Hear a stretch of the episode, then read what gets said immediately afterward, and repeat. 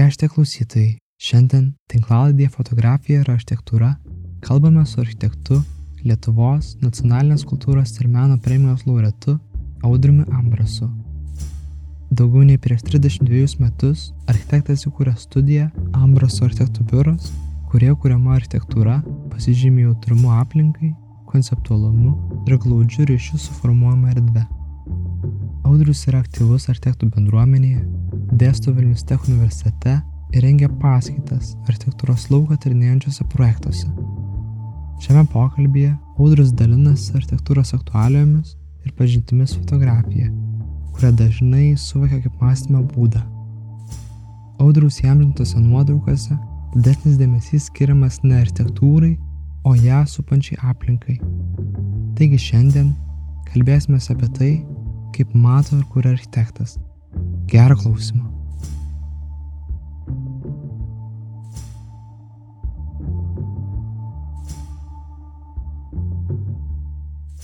fotografija architektūroje yra labiau toks kaip mąstymo būdas. Kurdamas pastatą, tu galvoji apie to kampo kompoziciją. Galvoju, kaip jūsų gyvenime atsirado ta architektūra. Dar tada Vilnius Tech vadinasi Vilniaus inžinierijos statybos institutas. Man tiesiog smalsu, kaip tuo metu atrodė tos architektūros studijos. Ką buvo svarbu išmokyti dėstytojam, su kokiu jie požiūriu žiūrėjo tuometinį studentą ir kaip jie tą architektūrą suprato. Kaip pasakyti, labai seniai tas buvo. Ir architektūros fakultetas buvo įsikūręs Saulėtekį, 6-7 aukštai, kaip tik virš rektorato. Garsėjo jaunatviško entuzijazmo visokių, ten iniciatyvų prisigalvodavo, patriukšmaudavo, ten dar kažką padarydavo. Ar tos studijos kitokios? Kažkaip kitokios, bet architektūra toks labai arhaiškas menas. Išmokti turėdavai, kaip užsitemp porėmi, pavyzdžiui, kad jis nesuplyštų metras ant metro ir ant jo daryti brėžinį, tvarkingą, išbaigtą, Toks labai esminis skirtumas, ne? Dabar kompiuterio ekrane paspaudė ištrinti, viskas įsitrynė, padarė iš naujo, viskas kinta. Kažkuria prasme, kiekvienos linijos tarsi atsakomybė tokia buvo. Jau brėži, jeigu jau tušu, nu, tai taip ir lieka. Ką mokydamas projektuoti, toksai buvo gal utilitarus, tarsi gyvenamas namas, po to kažkoks pramoninis objektas. To esminio dalyko tektoninio supratimo tai reikia, tik tiek, kad jisai būdavo pražudomas skaičiai lūtėse, kur ten tiesiog reikia skaičiuoti daugiau kai kurios priemonės pasikeitė, bet tiek ta kūrybinė paieška, tiek mokymasis, maketuot, modeliuot, formuot erdvę, turi kompoziciją, turbūt ir dabar taip pat mokomasi. Mūsų kursai ten daug visokių entuziastų buvo, aktyvistų ir mes taip lik bandėm laužyti tą sistemą tokią. Toks mūsų dėstytas Arnas Dineika buvo, jis labai palaikė tą studentų iniciatyvą. Kompozicijos burelis buvo įsikūręs, po to postmodernizmo banga ėjo pasaulyje ir čia jau mus pradėjo neįskalauti. Pakabinę stendą buvom, kur tarsi kabino informaciją apie tuo metu mums įdomius įvykius pasaulyje. Iš tiesų tai to akademinio mokslo kaip ir labai daug nebuvo patirta, nes vairiuose konkursuose dalyvavom, kuriuos ten skaitydavau už tos kursinius, labiau aktualus buvo horizontalus mokymasis. Profesorius Dičius įtaką darė, kompoziciją, va, ir Ziberkas dar kaip ir dėstė. Ta reiklumą tokį vystė. Atrodo, jau padarai tokią gerą kompoziciją, ateina, pažiūrėjai, nu žinai, nu, dar reikėtų truputį patobulinti, pavystyti. Atrodo, jau taip gerai padarai. Svarbu buvo tas kritinis matymas. Taip architektas kūrė pastatą, turi savo kūrinį, bet visi skirtingai mato ir svarbu tą kritiką mokėti priimti ir sunku būna kartais, bet matyti reikia keisti kažkokius sprendinius vardan kokybės kritika jau kitas ligmo, bet aš tą norėjau pasakyti, kad gal tas dėgėsi architektūros studijose vis tik perfekcionizmas. Viską padaryti iki galo, kruopščiai ir negailėti laiko, ir kantrybės, jau kažkas nesigavo, perdaryti. Ta prasme, kad kritikuoja tave, tai nugi nėra malonu, ne? Tai atrodo, kad turėtų girti, žinai, visi. Bet iš tikrųjų konstruktyvi kritika tai yra tas variklis. Kai kritikuoja, taip yra sunku priimti, bet po to kritika slepiasi tą žinutę, ką galima patobulinti, ką galima pakeisti. Kaip jums sekas priimti kritiką? Kaip dantis sukandi ir eini daryti iš naujo. Bent keletas namų tokių yra, kur perdaryta visai kitaip po tos kritikos ir ko gero gal geriau gavosi. Iš tikrųjų, kai gali būti visai. Dabar kaip žiūrinu tą kritiką, tai kam čia nervuotis, kam čia turėti nuomonę, sakyti kažką. Dar kas matosi, tarkim, lyginant tuos kartus skirtumus, kai studijavot prieš 43 metus, tada galbūt architektūra buvo toks asmeninis star architekt vaidmuo, kai yra architektas ir tada dažniausiai lieka jo vardas. o dabar architektūra eina į tą bendrą kūrinį, kuriame dalyvauja grupės architektų, grupės konstruktorių, inžinierių komandos. Projektas jau toks įgaunasi lyg skaitmeninė statybų aikštelė, kuri galiausiai įsigyvendina. Dabar tarsi nusiesmenino ta architektūra, toksai pareigys gaunasi iš gyventojų nuomonės, vystytojų poreikių, architektų tokio darbo, reiškia, grupinio. Kolektyvinis darbas toks šiek tiek panašu kaip tinklinė žaidžiama. Patlėkęs judinys kaip problema, reiškia, kažkas jį pakelia, perimeta kitam, paruošia smūgiui, kažkas smūgiuoja, bet po to vėl apsikeičia. Vienu metu vienas gali, kitas daryti. Vis tiek aš taip galvoju, kartais reikia to tokio valingo pareiškimo ar padarimo, kuris neša kažkokią žinę. Nes tie pastatai taip tada ir tampa tokie kaip distiliuotas vanduo. Grįžtant prie tų studijų, minėjot daug tų įkvėpėjų, architektų, gal yra koks vienas, kuris labiausiai įsikvėpia ir kūrybos kelyje, ir kai reikėjo daryti tos perdarimus. Tuo metu mums įspūdį darė toks Stirlingas, jo buvo muziejus Štutgarte. Tada labai kažkaip daugelis sprendinių detalių patiko Dabar kaip labai daug kalbama apie tvarumą, tai Raito ta propaguojama organinė architektūra, tai jinai idealiai atliepia tam, apie ką dabar šnekama. Labai įdomu buvo, kad Kengo Kumas paskaita Raitą kaip vieną iš savo tokių įkvėpėjų paminėjo. Amžini dalykai kažkurie išlieka arba ne viskas, kas sena, yra blogai. Jo, paminėjot Kengo Kumą, aš irgi prisimenu, nes vyko 22 metų rugsėjo mėnesį Kauno architektūros festivalis. Tenais buvo paroda Rytai Rytai Man patiko ta idėja, kad jie žiūrėjo į Lietuvos architektūros projektus. Buvo žavu, kad architektai organizuoja parodą, kurioje yra iš tikrųjų tie visi maketai. Pavyzdžiui, kai buvo Venecijos bienalėje, kur susijusi su architektūra, tai ten irgi vat, labai dažnai mes matome maketus kaip pagrindinę pastato reprezentaciją. Kažkaip pagalvojau, koks vat, buvo tas santykis studijose su maketais. Ar tai buvo pagrindinė erdvinė priemonė, ar labiau brėžiniai, tarkime, buvo ta kalba. Mūsų vienareikšmiškai skatino daryti maketus, maketuoti planą, maketuoti tūrį, ta prasme viską. Ir profesorius Dyčius sakydavo, kaip padarai maketą, jį gerai nufotografuoji, tai ir natūra toks pat vaizdas, nu tik aplinka, anturažas pasikeičia. Maketas neleidžia meluoti. Nepasislėpsi, nes visi tie sprendiniai matosi. Dabar aišku, tos technologijos keičiasi, gal labai didelio maketo ir nėra verta daryti, nes jau tu erdviškai gali susimodeliuoti kompiuterėje tą dalyką pasistatęs kamerą jį apžiūrinėti. Čia gal sakyčiau tik mastelio klausimas. Maketas labai svarbu studijuojant pradžiai būtent. Pirminiai minčiai visumai suvokti tą planą, ką tu pieši erdviškai. Kartais pavyksta suagituoti studentus, kad maketai, išardomi maketai erdviškai matosi ir patys jie džiaugiasi tuo atradimu. Gal paskui gyvenime tiek ir nereikia to maketavimo, bet pirminiam suvokime tas labai svarbu, nes Labai mėgavomasi dažnai bandymui valdyti tas 3D programas, kurios paskandina mintį. Atrodo, kad štai gražus paveiksliukas, tu negali jo suvokti visumos, objektyviai vertinti. Labai svarbu yra dirbti su pačia materija, pajusti medžiagą ir šviesą ir šešėlius krintančius ant maketo.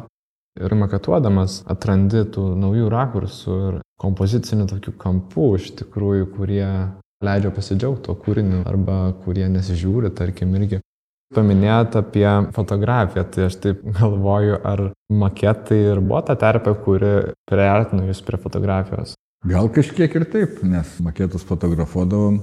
Teko vieną tokią fotosesiją turėti su skulptorium Gediminu Karalium, tai jis toks fotografijos entuziastas, visokių dumplinių fotoaparatų, fotografavom maketą. Tai mes gana ilgai užtrukom, nusistatai, įsitiesinį šviesą, pasisuki.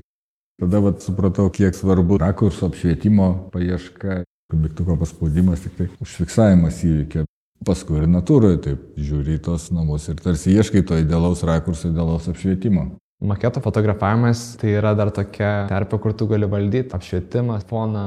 Atrodo taip paprasta sumažinta mastelė, o realybėje jau atsiranda daugiau problemų. Fotografas turi gaudyti gerą orą, atmosferą, saulę, būtų atrodo tam ryšį nuolat su aplinka, su gamta, su kontekstu.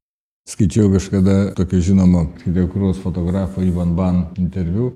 Jis paminėjo, kad architektų nuotraukose visada saulė šviečia, visada geras oras. Bet sako, kad kai per pasaulį skrendi suplanavęs kelionę nufotografuotą objektą, tai negali rinktis. Tiesiog oras yra toks, koks yra ir tada padaryti fotografiją, kuri atspindėtų tą pastatą. Tai iššūkis yra.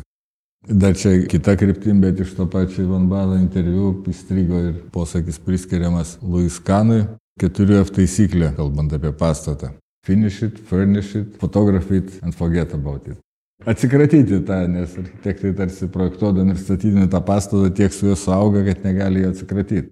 Kai padedi stalčių, pastatai gyvena savo gyvenimą, žmonės juos pastebi, kažkaip išgarsėja ir nori jį užmiršti, atrodo, bet negali. Vyksta dalykai gyvenime ir jis toksai aktyvus būna. Tarkim, kai architektas projektuoja pastatą, tai jisai nusižiūri kažkokius rakursus, iš kurių estetiškai žiūrisi, iš kurių kompozicija turi savo kalbą ir jis lyg tais rakursais atsispiria ir jam patinka. Įdomu, kai pastatas įsigyvendina, kaip fotografas atranda tuos rakursus. Tai gali būti toks ryšys tarp tų dviejų, jeigu vienas sukuria, o kitas atranda fotografuodamas. Taip, gali būti, bet kartais fotografai prieš fotografuodami pasiklausia, kokie jums čia atrodo rakursai, kas čia yra svarbu. Būna, kad statybos eigoje ir pats turi kišenį fotoaparatą. Užfiksuoji kadrą rakursą, nebūtinai, kad jisai būna tas apgalvotas, kurio siekiama, kartais net atvirkščiai būna, kurio nesiekiama ir jisai gaunasi. Ir architektūros fotografavimas svarbu akimirka. Kažkokia šviesos, rūko, gamtos būsena tuo metu. Net naudoju kartais tą pačią nuotrauką, nors ji nėra gal kaip fotografija labai preciziška, kokybiška, bet tos nuotaikos nepasikartoja. Todėl ir atrodo, kad fotografas turi žinoti tas subtilybės, kada oras geriausias, kada saulė šviečia. Prisiminiau jūsų paskaitą architektūros fondo pokalbių cikle Mylima architektūra. Buvo tarp girnų paskaita. Tada paliko gerą įspūdį ir ten surašiau daug dalykų ir pastarosiam dienom, kai rašiau šitam pokalbį, tai peržiūrėjau tą įrašą, nes man patiko. Ten buvo tokių idėjų ir man įstrigo nuotraukos, kuriomis pastelėte apie Giraitės kelių policijos komisariatą, apie tą postmodernistinį tūrį su savo erdvėjom, ryšių su aplinka. Aš taip supratau, kad ten jūsų nuotraukos. Aš neturiu čia jas kelias. Kaip jūs sugalvojot fotografuoti tą pastatą ir ar tai vyko prieš visą gravimo skandalą? Iš tiesų tas pastatas apie 85 buvo baigtas statyti ir mes kaip tik to baigiam. Dar statybos metu ten buvom, mums labai dėlį įspūdį įtaką padarė. Po to vėliau aš jį vieną kartą fotografavau, kažkokiai paskaitai reikėjo ruoštis, bet tas labai seniai buvo, gal kokia vienai pirmųjų Tuo metu buvo savaitgalis, vasarą ėjau per miestą ir įvairius rakursus fotografavau, daug tokių liko nuotraukų, bet būtent ir tą pastatą. Jisai veikia kaip kelių policija tada. Fotografavau, kadangi kažkaip gavosi, kad prisijungiau prie Vilniaus architektūros gydai, tokia leidžiama buvo serija. Ir aš dariau, po to ir Norbertas dar prisijungė. Kai pasirodė žinia kažkur, kad kažkas į ten nupirko ir kad jį nugriaus, įdėjau Facebook'e keletą tų nuotraukų ir buvo tik gaila, kad nugriaus tiesiog. Ir kaip bebūtų keistai, sukėlė didelį tokį susidomėjimą kolegų ir žiotažą ir, ir visą kitą, ir kaip čia nugriaus. Daiva Beličkaitė sako, architektas turi teisę nusifotografuoti prie pastato, kažkaip sako, padarom akciją. Susirinko architektai, tiesiog nusifotografavo ir tas po to kažkaip išsisuko. Turbūt ta tema ten nebuvo, kas nepasisakė, visi tie influenceriai ir visa kita, bet jų visų motyvas buvo toks, kad kvailyti architektai bando kažkokią sovietinę griuveną saugoti. Stojas karsai kelio investicijom ir visa kita. Tiesiog įsisuko toks magratis, be jokio specialaus forsavimo. Pagrindinė bėda to pastato tai, kad jis labai nekokybiškas. Vienas iš autorių, architektas Kestutis Pempė, minėjo, kadangi ten vidaus reikalų ministerijos pavaldumai buvo statę ten visokie kaliniai. Šiaip tai jeigu jis būtų geros kokybės, preciziškas, labai unikalus pastatas būtų. Jo restauravimas tikrai dėlė pridėtinę vertę turėtų. O tuo metu buvo tarsi dabar čia investicijos ateina, čia kažkas prieštaravo, mesgi pardavėm be jokių sąlygų. Polė nugriovė ir po šią dieną tuščia vieta stovi ir nieko nėra. Liūdna iš tikrųjų, kad tokie pasmidristiniai pastatai griūva per vėlai kažkaip sureagavus. Kokybė buvo ten ne pati geriausia, bet pastatas iš esmės kaip turis, kaip erdvėje įkomponuotas objektas, tai turėjo savo unikalumą tikrai. Kaip tik pastato griuvimo metu vyko paroda Gerai tai yra gražu, kurioje dalyvavo Kesutis Pempė. Buvo ir maketas to pastato ant plytų, kurios buvo surinktos iš tos vietos. Sudėjo tokias, iš kurių būtų norėję, kad jis būtų sumūrytas. Fainai, kad architektų bendruomenė reagavo į tai. Turėjo tiesiog sustaikyti su tuo likimu. Nebuvo bandoma lyg jau taip priešintis kažkaip. Nebuvo kovos iki galo. Prieš ką kovot, nu, jeigu žmonėm nereikia to. Labai įdomu, kad architektų reakcija į tokių pastatų gravimą nėra jinai pas mus kažkokia išskirtinė, nes to pačio Stirlingo pastatą išsaugojo, apgynė, irgi buvo tos peticijos. Tokių, ta prasme, istorijų yra, kur tos postmoderninis pastatus architektai išreiškia nuomonę, kad tai yra gerai, jas reikia saugoti ir iš jūsų, kur pridinė vertės restauruojant. Tik tai labai jau čia pas mus apsukama greitai, bandoma samokslo teorijos visokios pripaišyti. Pavyzdžiui, Jurgis Mačiūnas turėjo Soho kvartalą ir įkūrė tą judėjimą ir grinai menininkai perėmė apleistus pastatus, įkūrė ten savo rezidencijas ir tą kvartalą prikėlė tiesiog. Jis buvo apleistas, paliktas, pamirštas, ta veikla visą padarė didelę įtaką. Ir dar aš prisimenu per tą paskaitą, kalbėjote ir apie kitą projektą, pakrantės industrijų centrą, kuriame dabar įsikūręs Rupertas. Tenais irgi supratau, kad yra jūsų nuotraukas. O čia yra architekto nuotrauka. Buvo pataikytas apšvietimas momentas, vedęs paveiktas laiko dar ne iki galo. Ruduo, aišku, vienas tas auksinių laikų fotografuoti architektūrai, nes saulė žemiau, gamtos spalvos yra. Šitą nuotrauką, kurioje medžių kamienai naudojami kaip linijos, pabrėžti pastato kampą ar pasiekti tą vertikalų skaidimą. Jo, šitie rakursai čia pastačius namą surasti buvo. Jeigu pažiūrėti dabartinės nuotraukas, tai jau jisai juodas visas. Kadangi pušinė tai apsiniaukusią dieną, tai jau gali net nepastebėti, nes jis visiškai susilieja su aplinka, tai kaip ir tikslas pasiektas. Laikas daro savo ir kartais labai įdomu žiūrėti nuotraukas ir matyti, kaip pastatas keičiasi. Fotografija turi tą tokį dokumentavimo bruožą savį, gali sekti, kaip pastatas sensta, kaip tos lentutės patamsėja. O kaip jūs pats galvojate apie dokumentacijos žanrą fotografijoje? Ar mėgstat iš to pačio rakurso fotografuoti kažkokį objektą, ar stebėti Labai patinka sekti Facebook'e ir įvairių istorinių nuotraukų. Taip jautiesi lik laiko mašina atsisukęs, pagalvoja, kad jau viso tai praėjo ir nebėra, nebūta, o nuotraukose tai išlieka, apsifiksuoja ir tada veikia tas emocijas. Iš tiesų tai labai žiaurus išradimas. Čia tos nuotraukas, kur realiai matas kardinalus pokyčiai. Mačiau po to tą pastą fotografavo ir Norbertas Tukai. Minėjot ir apie jį truputį, tai koks jūsų ryšys su šito architektų fotografu? Svarbiausia, kad jis architektas, man atrodo, ir miesto kadras, ten mes susidūrėm, jis ten iniciatyvą rodė, kalbėjomės, bet jis tuo metu dar nebuvo pasiskyręs visas fotografiją ir po to kažkiek tai jau metų sako, va, apsisprendžiau, darysiu nuotrauką. Labai malonu dirbti, nes iš pusės žodžių viską suprantam. Jis mato kaip architektas. Rakursų parinkimas, kadro formavimas. Norberto nuotraukos pasižymė natūralumu, tikrumu, bet kartu išgrinintais rakursais. Bendra architektūrinė kalba kažkaip rezonuoja. Nes labiausiai erzina fotografai besimėgaujantis plataus kampo objektyvais, artimais rakursais, iškreiptais, išverstais namais, kur pažinti negali. Ir atrodo dvi grupės pastatų, tie landmarkiški arba ženkliški pastatai, kurie turi savo rakursą ir tikrai yra gerai matomi kompoziciškai ir savo žinute. Ir yra tie pastatai, kurie labiau bando susineveliuoti su aplinkas kontekstu, lyg tai slepiasi, nenori būti tokie pastebimi. Kalbant apie tą landmarkiškumą, man patiko tas Vizijum centras Ventspilyje, kuris yra ypač ženkliškas, stovintis tiesiai ant tilto ašies. Jis turi tokią didelę intervenciją aplinkai savo turiu. Bet galvoju, kokį pokytį jisai padarė tą aplinkai, vis tiek buvo teritorijoje ir matot, kaip jisai veikia. Ta teritorija iš tikrųjų jokia. Plynas laukas, tolumoje kažkokie pramoniai pastatai. Vienintelis išskirtinumas, kad tarsi ant tilto ašies, kurio atvažiuojama iš Rygos to pagrindinio keliu. Labai įdomu, kad europinius pinigus gavo būtent apleistų pramoninių teritorijų atgaivinimui. Manau, kad jis šimtų procentų įvykdė tą, nes ta apleista teritorija pasikeitė kardinaliai. Jisai sukūrė įvykį, landšaftą toje vietoje. Ta aplinka tenai tokia plokščia, prie jūros, reliefo praktiškai nėra. Iš tos pusės, kur atvažiuojama, yra transporto žiedas, prie tilto kokius ten 3-4 metrus kilstelėtas. Ta vieta tarsi dobė atsiranda tokioje ir dar iš pietinės pusės saulė tau tarsi jie kišviečia landšaftą kilstelėdami, tą sklypą tarsi padalinam į dvi dalis. Atsirado erdvė ir toks natūralus susijungimas landšafto ir dirbtinio kūrinio, kuris su terasos vieša erdvė, apžvalgos aikštelė tarsi timtelio miestą į tą pusę, pratęsė trajektoriją, kad yra iki kur ateiti, kur užlipti, ką pažiūrėti. Vienas svarbiausių žinučių buvo, na, o pastato sandara struktūra tokia skirta tom ekspozicijom, aiškiai paprasta. Viena vertus jis visiškai paprastas, Stačiakampis pailgas, bet jo įkirtimas formavo erdvę. Pabandėm tą landmarką kurti pasitelkdami aplinką. Tas pastato linkis kadruoja tolimesnę perspektyvą, dangų, saulės judėjimą tokį matai ir tarsi papildo tą gamtinę aplinką. Jo, jis toksai atrodo landmarkiškas iš tam tikrų rakursų. Tarkim, šitame mes matom tik pastato tą aukščiausią dalį. Norbertas suradęs tokį rakursą, kur matosi tik šiek tiek jis išlenda iš kažkur tolimiau.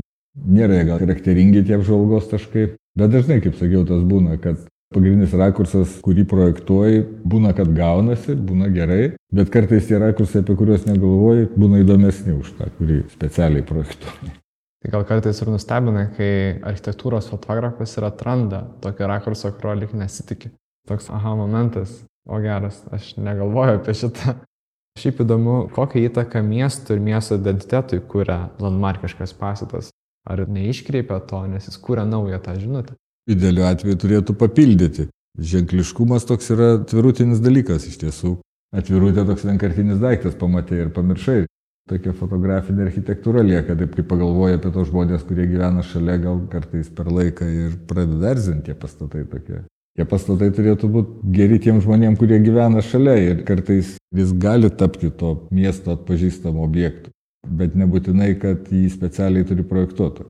Visa architektūra paskutiniu metu, kaip mes ją žiūrime, vertiname. Tik iš nuotraukų. Po to, aišku, apdovanojimas, važiuoja, žiūri visą kitą natūrą, bet jeigu nuotrauka nekabina ir jis eina į žemutinę lentyną. Todėl ir atrodo, kad nuotraukos turi būti lik tobulos, iš geriausių rakursų, iš geriausio apšvietimo, Atrodo, kad nuotrauka net panašiai vizualizacija, kur tu jau gali kontroliuoti visus šitus parametrus. Dabar jau tos vizualizacijos tokios, kad sunku atskirti, ar iš natūros nuotrauka yra vienas būdas, kaip atskirti. Kai fotografai fotografuoja baigtą objektą, paprastai žmonių nebūna.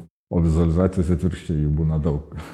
Jeigu sąžingai kruopšiai padaryta vizualizacija, natūroje dinksta netikėtumo efektas. Atrodo, matai geriausia, ką galėjai ir liktais nesitikė daugiau. Tu jau tą matei, nebereik pastatų statyti, užtenka vaizdus padaryti gerus. Viskas keliasi į virtualią realybę. Bent jau didžiai žiūrovų grupiai vaizdas yra prioritetas. Kaip jūs žiūrite tą vizualizacijų madą? Mes einam iš erdvės realios į paveikslelį labiau. Prarandam ir tos kitas dimensijas, pojūčius ir, pavyzdžiui, erdvinį suvokimą. Erdvės turbūt iš viso neįmanoma užfiksuoti, nei nuotraukai, nei vizualizacijai. Prisimenu kažkada labai seniai vieno estų architekto pastebėjimas. Architektūra sustingus muzika, tai turbūt dažniausiai turi mintį, na, kolonų eilės, langų ritmą, visą kitą, bet jis sako, panašios tų architektūra ir muzika, kad kaip muzikos negali nufotografuoti, taip ir erdvės negali nufotografuoti. Tu ją gali tik pajausti, išgirsti, suvokti, būdamas joje. Jokia fotografija to neduos. Būna, kad tokios architektūrinėse kelionėse pasižymė pastatus, kurie atrodo įdomus nuotraukose, Atvažiavus paaiškėjo, kad tie rakursai, kurie nuotraukose taip pastatyti, bet iš esmės nelabai kaip tie pastatai veikia. Kitą kartą atrandi pastatus, kurie įdomus, maloniai veikia, bet nuotraukose nėra tokie užkabinantis. Man atrodo, kad architektūra gali būti ženkliška nebūtinai savo turų kažkokiu tai rakursu, bet ženkliškumas gali būti ir pačioje istorijoje, kurią pastatas užšifruoja. Kartais ir tai yra traukos objektas. Ir tada įdomu, kuris tas kelias miestui priimtinesnis. Ar tada identiteto keitimas landmarkų, ar naujos istorijos kūrimas? Priklausomai nuo miesto. Jeigu miestas su niekuo neidentifinkuojamas beveidis, galbūt jam reikia papuošimo ženklo ryškaus.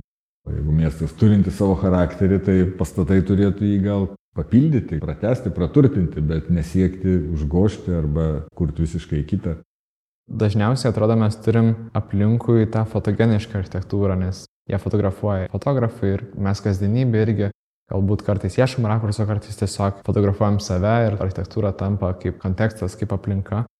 Bet įdomu, ar yra ir nefotogeniška architektūra, kuri tiesiog neturi savo tų rakursų arba tiesiog kažkaip yra tokia nematoma.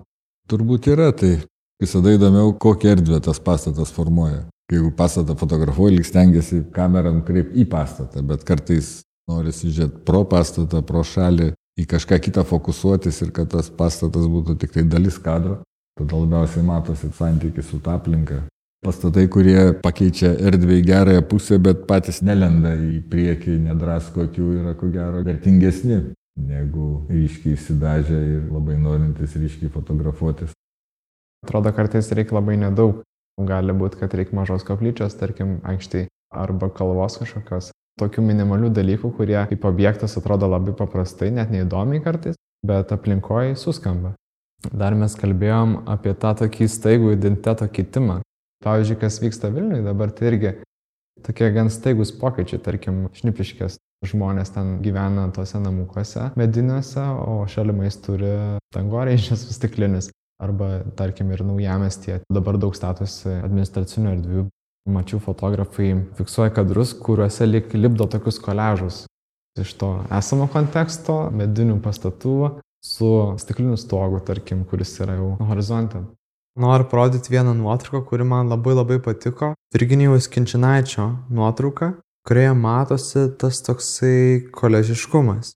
Jo surasti rakursai tokie labai architektūriniai būna. Tokia jungtis skirtingų laikotarpių ir lygių ir medžiagų ir skirtingų žmonių mieste. Architektūragi atspindi, kokie mes esame. Jeigu apie sluoksniškumą kalbėti, tai Vilnius čia ypatingas toks. Nuo fotografijos atsiradimo pradžių Vilnių fotografuoja ir jisai yra unikalus savo tapybiškumu, daugias sluoksniškumu.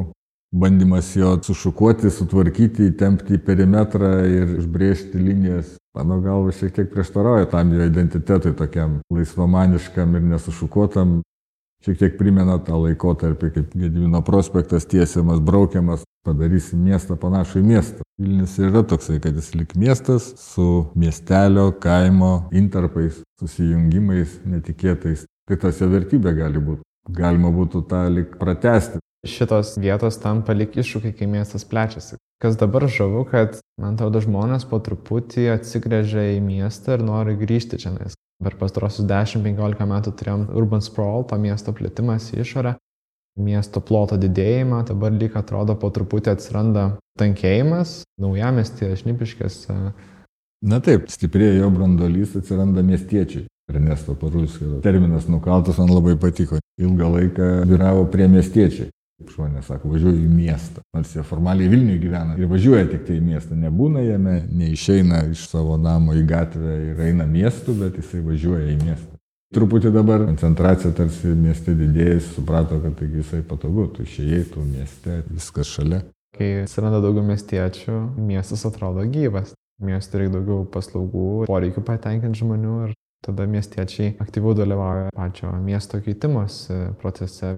Susikūrė ir judėjimai ir miestietis tampa dalimi miesto. Atrodo, kad tai ir augina sveiką miestą. Fainai, kad po truputį daugėja to.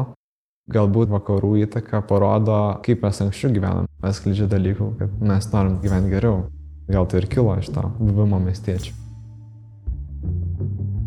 Baigime pokalbį iš Martino Mažino bibliotekos. Kviečiame Jūs prisidėti prie aikštė projekto ir paremti tinklalaidą Contribui platformoje. Daugiau informacijos apie Contribui prenumeratą rasite pokalbio prašymę. Dėkojame, kad buvote kartu. Lauksime Jūsų sugrįžtant. Iki kito pokalbio.